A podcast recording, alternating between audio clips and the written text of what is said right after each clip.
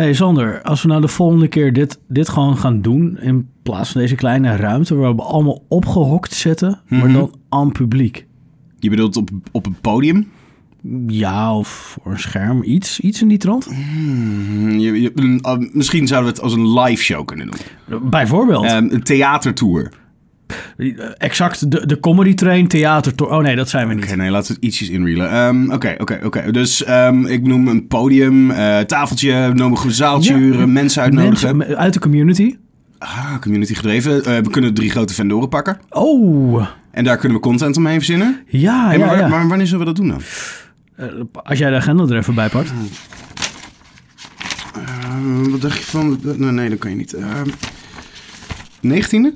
19 september? 19 september. Wacht. Nou ja, volgens mij gaat dat. We hebben een deal.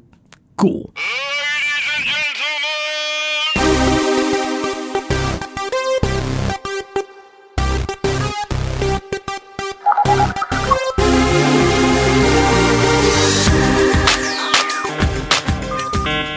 And welcome to the Login Techcast, Login Consultant's very own podcast. As you may have noticed, today's show is a bit different, and that is that we're doing this in English due to our international guests. So please bear in mind that this is not our native tongue, but actually it is for neither of us around this table here. So this is episode 8, and on today's show we'll be talking about GPUs and ask the question whether or not we really need them. My name is Sander Noordijk, and as always, I am joined by my friend, colleague, and co-host Erik van Klaveren. Erik, how are you? Yeah, good. What has happened to our working title? um, it, what was the working title? Now you're playing with power. Yes. Graphical power. That wa- that was a way better one, but it's harder to put in a, into a sentence. Okay, okay. that, that's, that's reasonable. Yeah, so we probably shouldn't uh, skip to save too much time for ourselves and cut to our very special guest, and that is Simon Schaber from Nvidia. How are you? And could you please introduce yourself? Yeah, hello everyone. Uh, my name is Simon Schaber. I'm grid solution architect working for NVIDIA um, for more than two years now, and I'm responsible as kind of technical pre-sales person for Central Europe. Okay, and also sporting the cool uh, Nvidia jumper or the cool uh, sweatshirt. Yes, definitely, and I'm even Oh, wearing the the latest um, T-shirt, The latest from, GPU from tech- our technology GPU conference. technology conference um, that was held um, a few weeks ago in San Jose in the U.S. Cool. Well, before we dive into the matter, we always start with a short inquisition where we give you five questions, five choices, where you have to make a choice within a couple of seconds. No thinking allowed. Just blurt out the first answer you uh, you want, and afterwards, there's always room to expand on your answers. Okay, Best practices or field experience? field experience. Intel Iris Pro or AMD Radeon Pro? Intel Iris Pro, vGPU scheduler. Best effort or equal share? best effort for sure. Windows 10 Task Worker or Designer? Designer. E-bike or company car? E-bike. Cool. Yeah. All right, we got there. do you want to uh, do you want to expand on any of the of the answers you gave?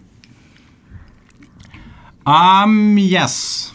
For the vGPU scheduler, I think this is this is a pretty, pretty um, important topic um, to to explain a bit more, uh, because um, there was this this change with our recent um, GPU technology uh, based on uh, Pascal, and uh, therefore we we changed our default scheduling um, to equal share.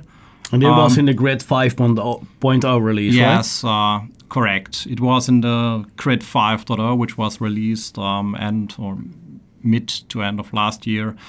And uh, due to a kind of field experience, um, customers figured out that maybe this is not the best choice for enterprises. Um, so we revised uh, this decision, and especially now with the latest and greatest uh, Grid 6.0 release, um, it's now back to best effort as default scheduler. And shall I explain what a scheduler is? Please do. The scheduler is how the GPU will be utilized. Am I saying that correct? Yes, kind of. Um, if, if you want, um, I, I can try to, to just to explain explain it. it without any slides. Yeah. Um, in general, scheduling works in a way that kind of first come, uh, first serve. Um, for the different VMs, which means um, a VM requests GPU resources, um, sends the request to the GPU, and the GPU uh, renders um, this kind of graphics call. So it's it's running as I said, um, first come first serve, um, and uh, yeah, it's it's a bit hard to explain To- to- without slides. having uh, Okay. having Um, slides. let, let's try it with a pie. We have like a circle. It's divided in four. That's an equal share if you give it to four. If you only have three, if you only have three VMs running on, in an equal share scenario, um, then you would have um, 33% of the um, share for a VM. That said, um, this is totally different to what you get with best effort. Because with best effort, you might get the whole GPU as, as long as the other VMs don't consume any GPU resources. because it's time sliced. Correct. All right, all right.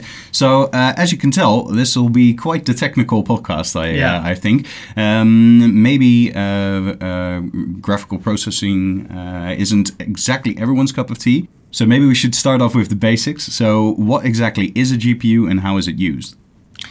Oh yes, that's that's definitely um, a good question, and uh, maybe we should start what what GPU stands for because it's a graphical processing unit um, compared to a CPU, which um, is a central processing unit. Um, the difference in use is that, as you might know from from a CPU, uh, which is more or less working in a serialized way because you only have a limited number of cores. The difference to the GPU is that a GPU is pretty good in all the stuff that can be parallelized because, um, yeah, the GPU has um, way more cores, such called graphic cores or CUDA cores. And to give you a kind of example, our latest and greatest um, Tesla V100 board has 5,120 cores that you can run in parallel. All right, so That's that's, very of- impressive. So is yeah. it, so do I understand that correctly? That um, it's not something uh, only to uh, to graphical uh, processes. You can uh, use it to accelerate other processes as well. Yes, definitely. In the past, um, it was quite common to, to use it for graphical use cases.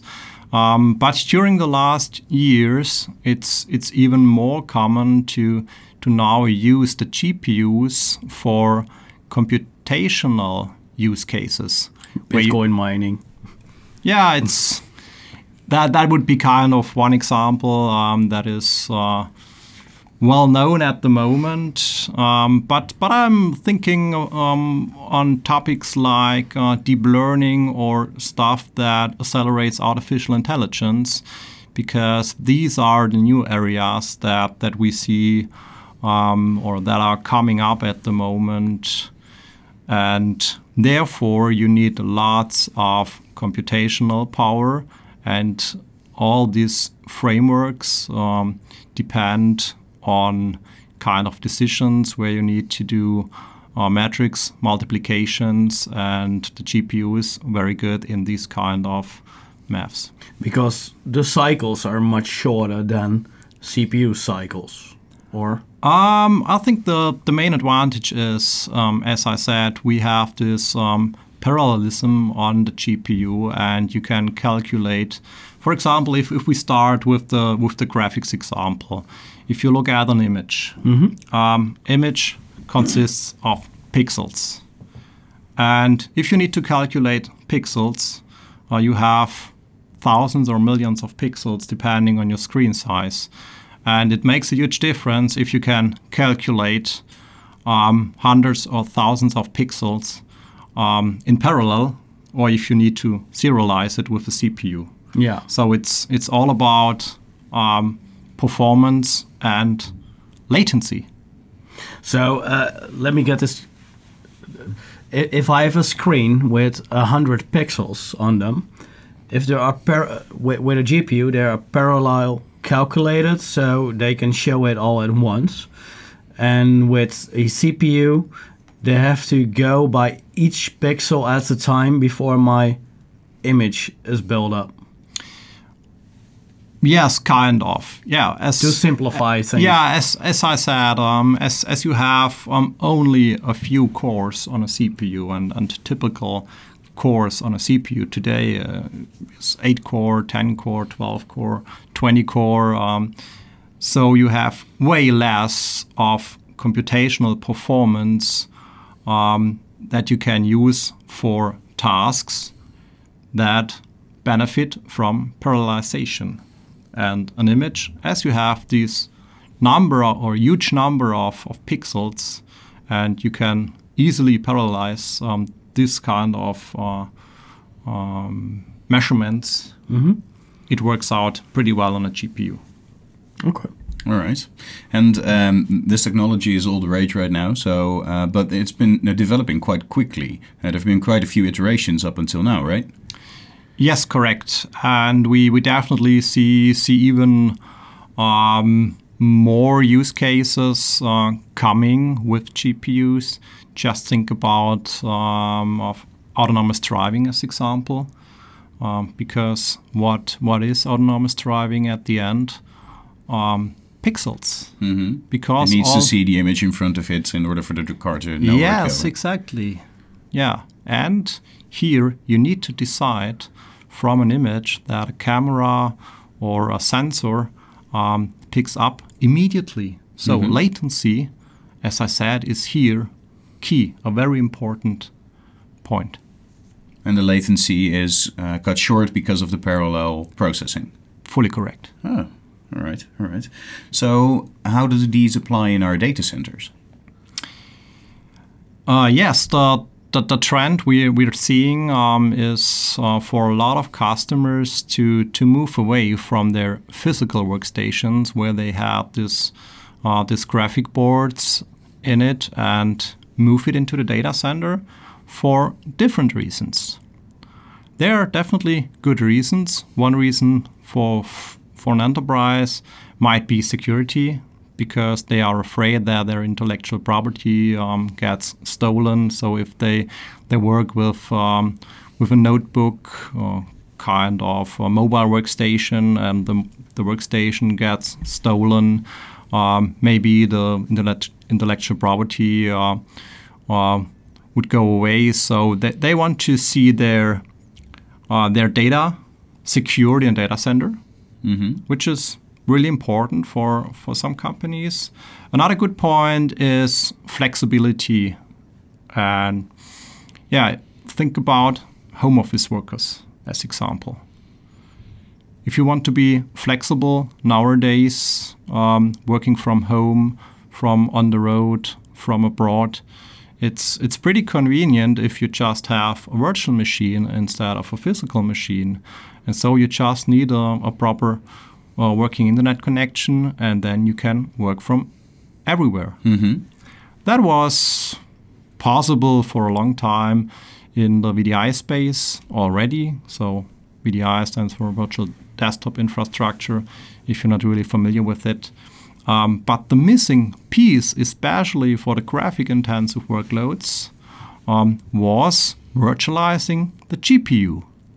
And this is a trend we're currently um, heavily seeing, especially for enterprises, um, to get um, better traction for their designers, for their um, workers, like architects uh, working on a construction area, as example. There are so many different use cases um, where you can use uh, GPU-intensive workloads, and to virtualize these, um, yeah, is is now um, a very good trend.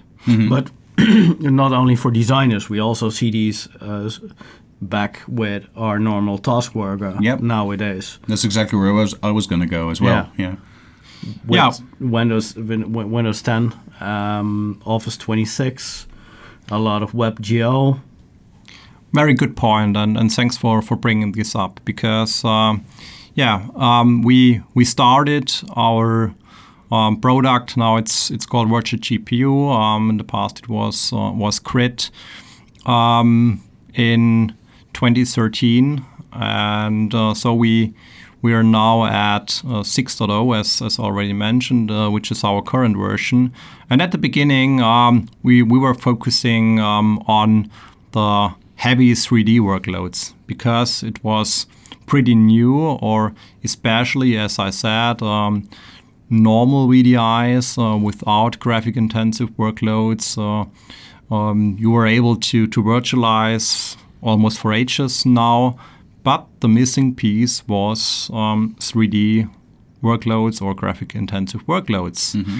But these um, classic VDIs, or we call it knowledge worker or office VDI, um, workplaces now definitely you also benefit for, from GPUs, especially since Microsoft released uh, Windows 10 because Windows 10 uh, compared to Windows 7 is way more GPU intensive. Mm-hmm. And um, if you now don't have a GPU in your uh, virtual machine, um, the CPU needs to needs to take all these tasks to emulate a GPU for all the graphic intensive um, stuff that is going on in the VM.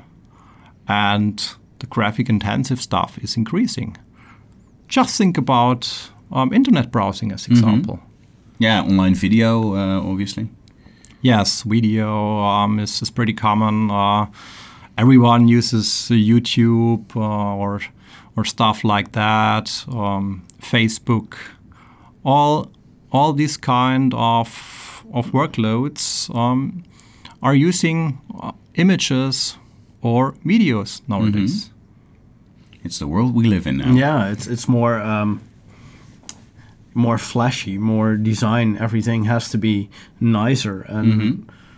Um, and also, just think of uh, the movement you see with all uh, sorts of websites lately is that they're all going to this tabloid uh, interface meant for tablet devices. So with large, large images, and that you have to scroll through everything. Um, I can imagine well, screen sizes. Uh, expectation is 4K in your television.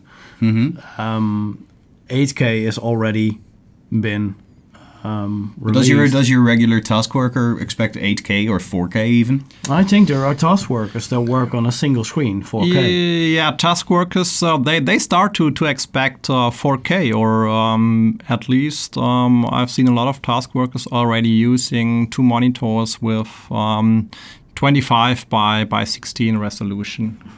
I can imagine that's really taxing on your environment. Yes, and um, the more screens um, you want to use, um, the more GPU performance you would need. Mm-hmm. And uh, the same applies to your um, graphics memory, um, also called frame buffer. All right. So that's the the graphics memory. Yes. Yeah. Okay. Okay. So, on a completely different note, why isn't your competition diving onto this, uh, or at least in the way that NVIDIA does? Well, um, maybe we should uh, ask our competition to get a proper answer, but I but I still try to um, to give you my thoughts on, on that. For for sure, the competition also have um, have a solution on on that um, virtualizing GPU, and it's I, I don't want to um, want to mention their name. Uh, I think everyone mm. knows who the competition is or, or would be. Um, but the implementation of their solution is, is totally different to what we are uh, doing. Um, it's it's more or less an, a hardware-based implementation based on on SR-IOV. So um, they are they are stuck um, to to the host, and uh, we have this um, software layer in between, uh, which we also call vGPU Manager, uh, which makes our solution um, a real software solution. And uh, with the software solution, um, we have this kind of hardware on the one hand, which is our Tesla GPU in the host system, but our grid software on the other hand. And with the software stack, we can provide um, good additional features to our customers. And It's one actually a layer on top of your hypervisor that performs virtualization to your GPU. Yeah, so that uh, offers the time slicing and everything. Or am I incorrect? The scheduler is in, in, in Uh-huh. the GPU manager. yeah, correct, correct. and it's it's it's an extension of your hypervisor because normally natively your hypervisor doesn't have this virtualization part in it. So in uh, if that wasn't there, you'd probably go through like a like a pass-through situation. Fully correct, yes. Without the such called vGPU manager, um, your only option to virtualize a GPU would be to to use it as a pass-through device, and um, that said, you would only be able to use the whole GPU uh, for a single VM, and this is a kind of um, waste of resources because think uh, think about if, if you can use or if you would be able to use the same GPU and share it for eight users as example. The user density then is much better your costs go down and yeah the whole environment is way better utilized. Yeah, and and GPU isn't that utilized as other things. You see a lot of spikes in usage, and empty spaces could be used by other users, right? Yes, uh, fully correct. Um, the the reason behind is um, think about the, um, the frame rates um, as example monitors deliver, and we see typically um, monitors that are running uh, with 60 hertz, um, which translates to 60 frames. So we just need to make sure with 60 frames um, that we deliver a frame every um, 16 milliseconds. That said, um, the GPU is not really utilized to deliver um, a frame every 16 milliseconds, and therefore we have, in general, lots of free cycles uh, that we can use for our other users on that GPU. And that was exactly the idea of virtual GPU.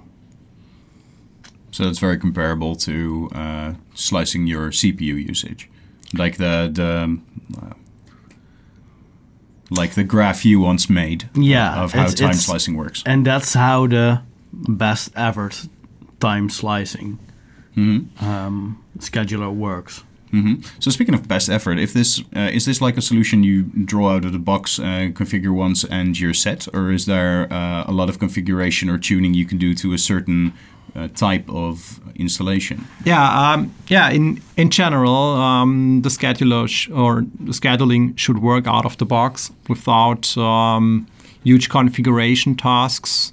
Um, what could be changed, as example, is um, removing the frame rate limiter um, that uh, that makes sure that we don't um, we don't generate more than 60 frames. Because as i said recently um, 60 frames is what we typically see or what is needed um, to have this uh, 60 hertz uh, for our normal monitors. Um, but there there might be a good reason that depending on the application we're using to uh, to render more than 60 frames and for this kind of use case, um, there is an option in the hypervisor to remove the such called frame rate limiter. And would that then automatically apply to all your VMs, or can you like direct that to a certain machine? This is this is just a VM-based setting, so you would need to to set this on every VM you're, you're The, using. the, the frame rate limiter. Yes, correct. The time slice thingy you can do on on both sides. Sides. Um, changing the uh, the scheduler, that would be um, a host-based uh, setting. So you would you would need to to do this um, on every host, or at least uh, based on uh, on one GPU in your host. Yeah, but you also have like the uh, registry key you could put in your VM. Um, not not for not for the scheduling. That that won't work. So the solutions are on the bit on the on the pricey side. Um, so, at, at what moment is it worth the investment? What sc- scale or size are we looking at? Well, that's that's a pretty good one. Um, this is this is pretty hard to say because um, at the end, it's it's always um, hard to to just argue with costs because as as you mentioned, um, our solution is not that cheap. I would say you you get a cheaper solution running without a GPU, but at the end, it's all about user experience. hmm What is it worth to you? Yeah, and that's that's the main question, especially for for customers or for companies. Um, is the GPU solution worth the user experience? Gartner said uh, the success story of a VDI project is user experience. And it's it's the same um, in my perspective because um, as we um, already discussed, uh, especially um, since Microsoft released Windows 10, and Windows 10 operating system consumes way more GPU resources compared to Windows 7. Um, it's it's even more important um, to have a GPU as soon as you use Windows 10 as operating system, as a simple example, because um, if you if your users are not happy with the virtual environment because everything seems to be um, laggy and they they don't uh, get an immediate response in regards of latency when when working with the VDI solution.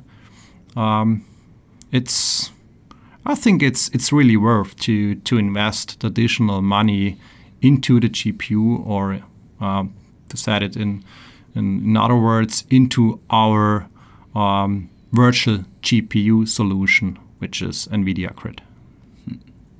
All right. So, as a final question, what can we expect in the near future? Where is Nvidia From heading? NVIDIA or GPUs. yeah, exactly. Let's keep it broad.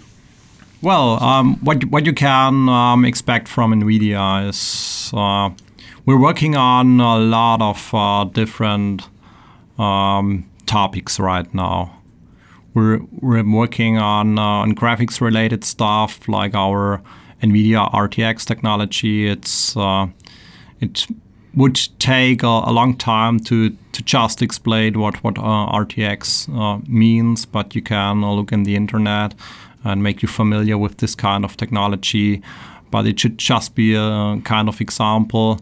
Um, then we for sure investing a lot of money uh, in the autonomous driving um, topic. As as I mentioned, we have our own software stack there, which is NVIDIA DriveWorks. Um, then we're also leading the AI change in regards of deep learning frameworks. And um, yeah, we, we, we recently uh, launched different products or one different or one new product, which is the such called DGX2, which is the call it biggest GPU in the world because uh, it's a single That's- appliance. That's only a year after the first one. Yes, definitely, Wow. and yeah, it's um, to to better understand DGX One, which we released last year, is an appliance for these deep learning use cases, um, where it contained of eight GPUs in one appliance, and now the next generation, the DGX Two, contains of 16 of our latest um, Volta V100 GPUs. So you get a massive amount of computational power for all these deep learning AI use cases. So you definitely see we're investing in a lot of um, new technologies. I like how it's all very different things, but all centering around the same idea and the same uh, same stuff. That's really cool. The the RTS RTX thingy. Um, I think it's easy to explain. Just take a photograph of your glass and put it in RTX, and you can. Turn it around with your hands? No, can with the right lighting. It it, it perspectives.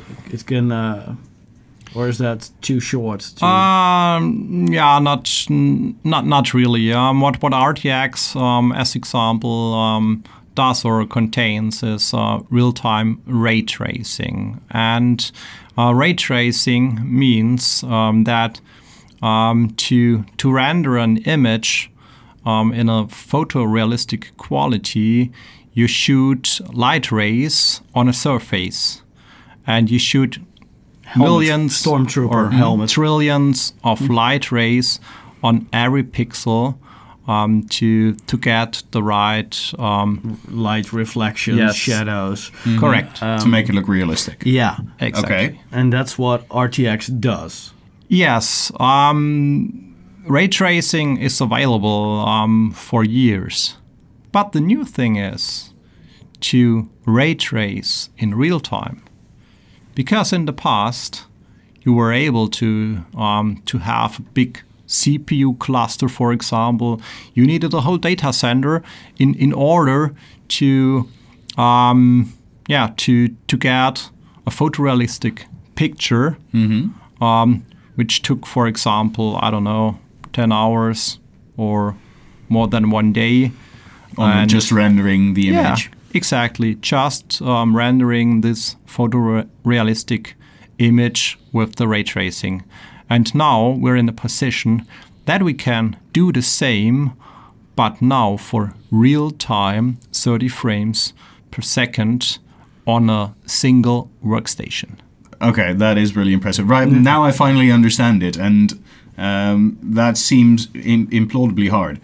Um, that you can have an image that was that it used to take uh, like so long for it to render. Because I've been, I've done some video, video editing, I know how long it can take to export an image or uh, render something, and to have that in effect instantly, realistically, that looks amazing. Yes, correct. That's cool. So we always ask our guests to bring uh, a topic of their own. Do you have one for us? Yes, um, definitely. Um, we we had our uh, GTC US a few weeks ago, and I would invite everyone that is or that has some interest in GPUs or in the new technologies we talked about, uh, deep learning, AI, autonomous driving, because there is um, our next event, the GTC Europe, coming in October, and yeah, I think um, if you're definitely interested in this new stuff, um, you will be impressed what's going on in the GPU really space. impressed. That's really cool. And when's that? Um, it's it's um, starting um, of October. I think it's 10th to 12th of October. The week after uh, Oktoberfest. Okay, that's that's something we can understand. All right, that's really cool. All right, so then I guess this has been the Login Techcast episode eight. Do you want to stay in touch? Be sure to follow us on Twitter at Login Techcast, and for other inquiries or remarks, we can always be reached at techcast at loginconsultants.nl. As for me, I can be found on LinkedIn, Twitter, and Instagram under at Sander Noordijk. Yeah, I'm on the same uh, social media channels, uh, only under uh, Eric van Klaveren. And Simon, where can people find more about you? I'm findable in Twitter as example with S Shaber81 um, or LinkedIn and Xing. All right. The Login Techcast is a show that can be found every two weeks through iTunes, SoundCloud, and all other major podcast services. So be sure to subscribe and never miss a show. Also, comments and a rating are greatly appreciated. I thank my co host, Jan behind the scenes, our guests, and of course you, the listener, and bid you a fond farewell until the next Login Techcast. Ciao.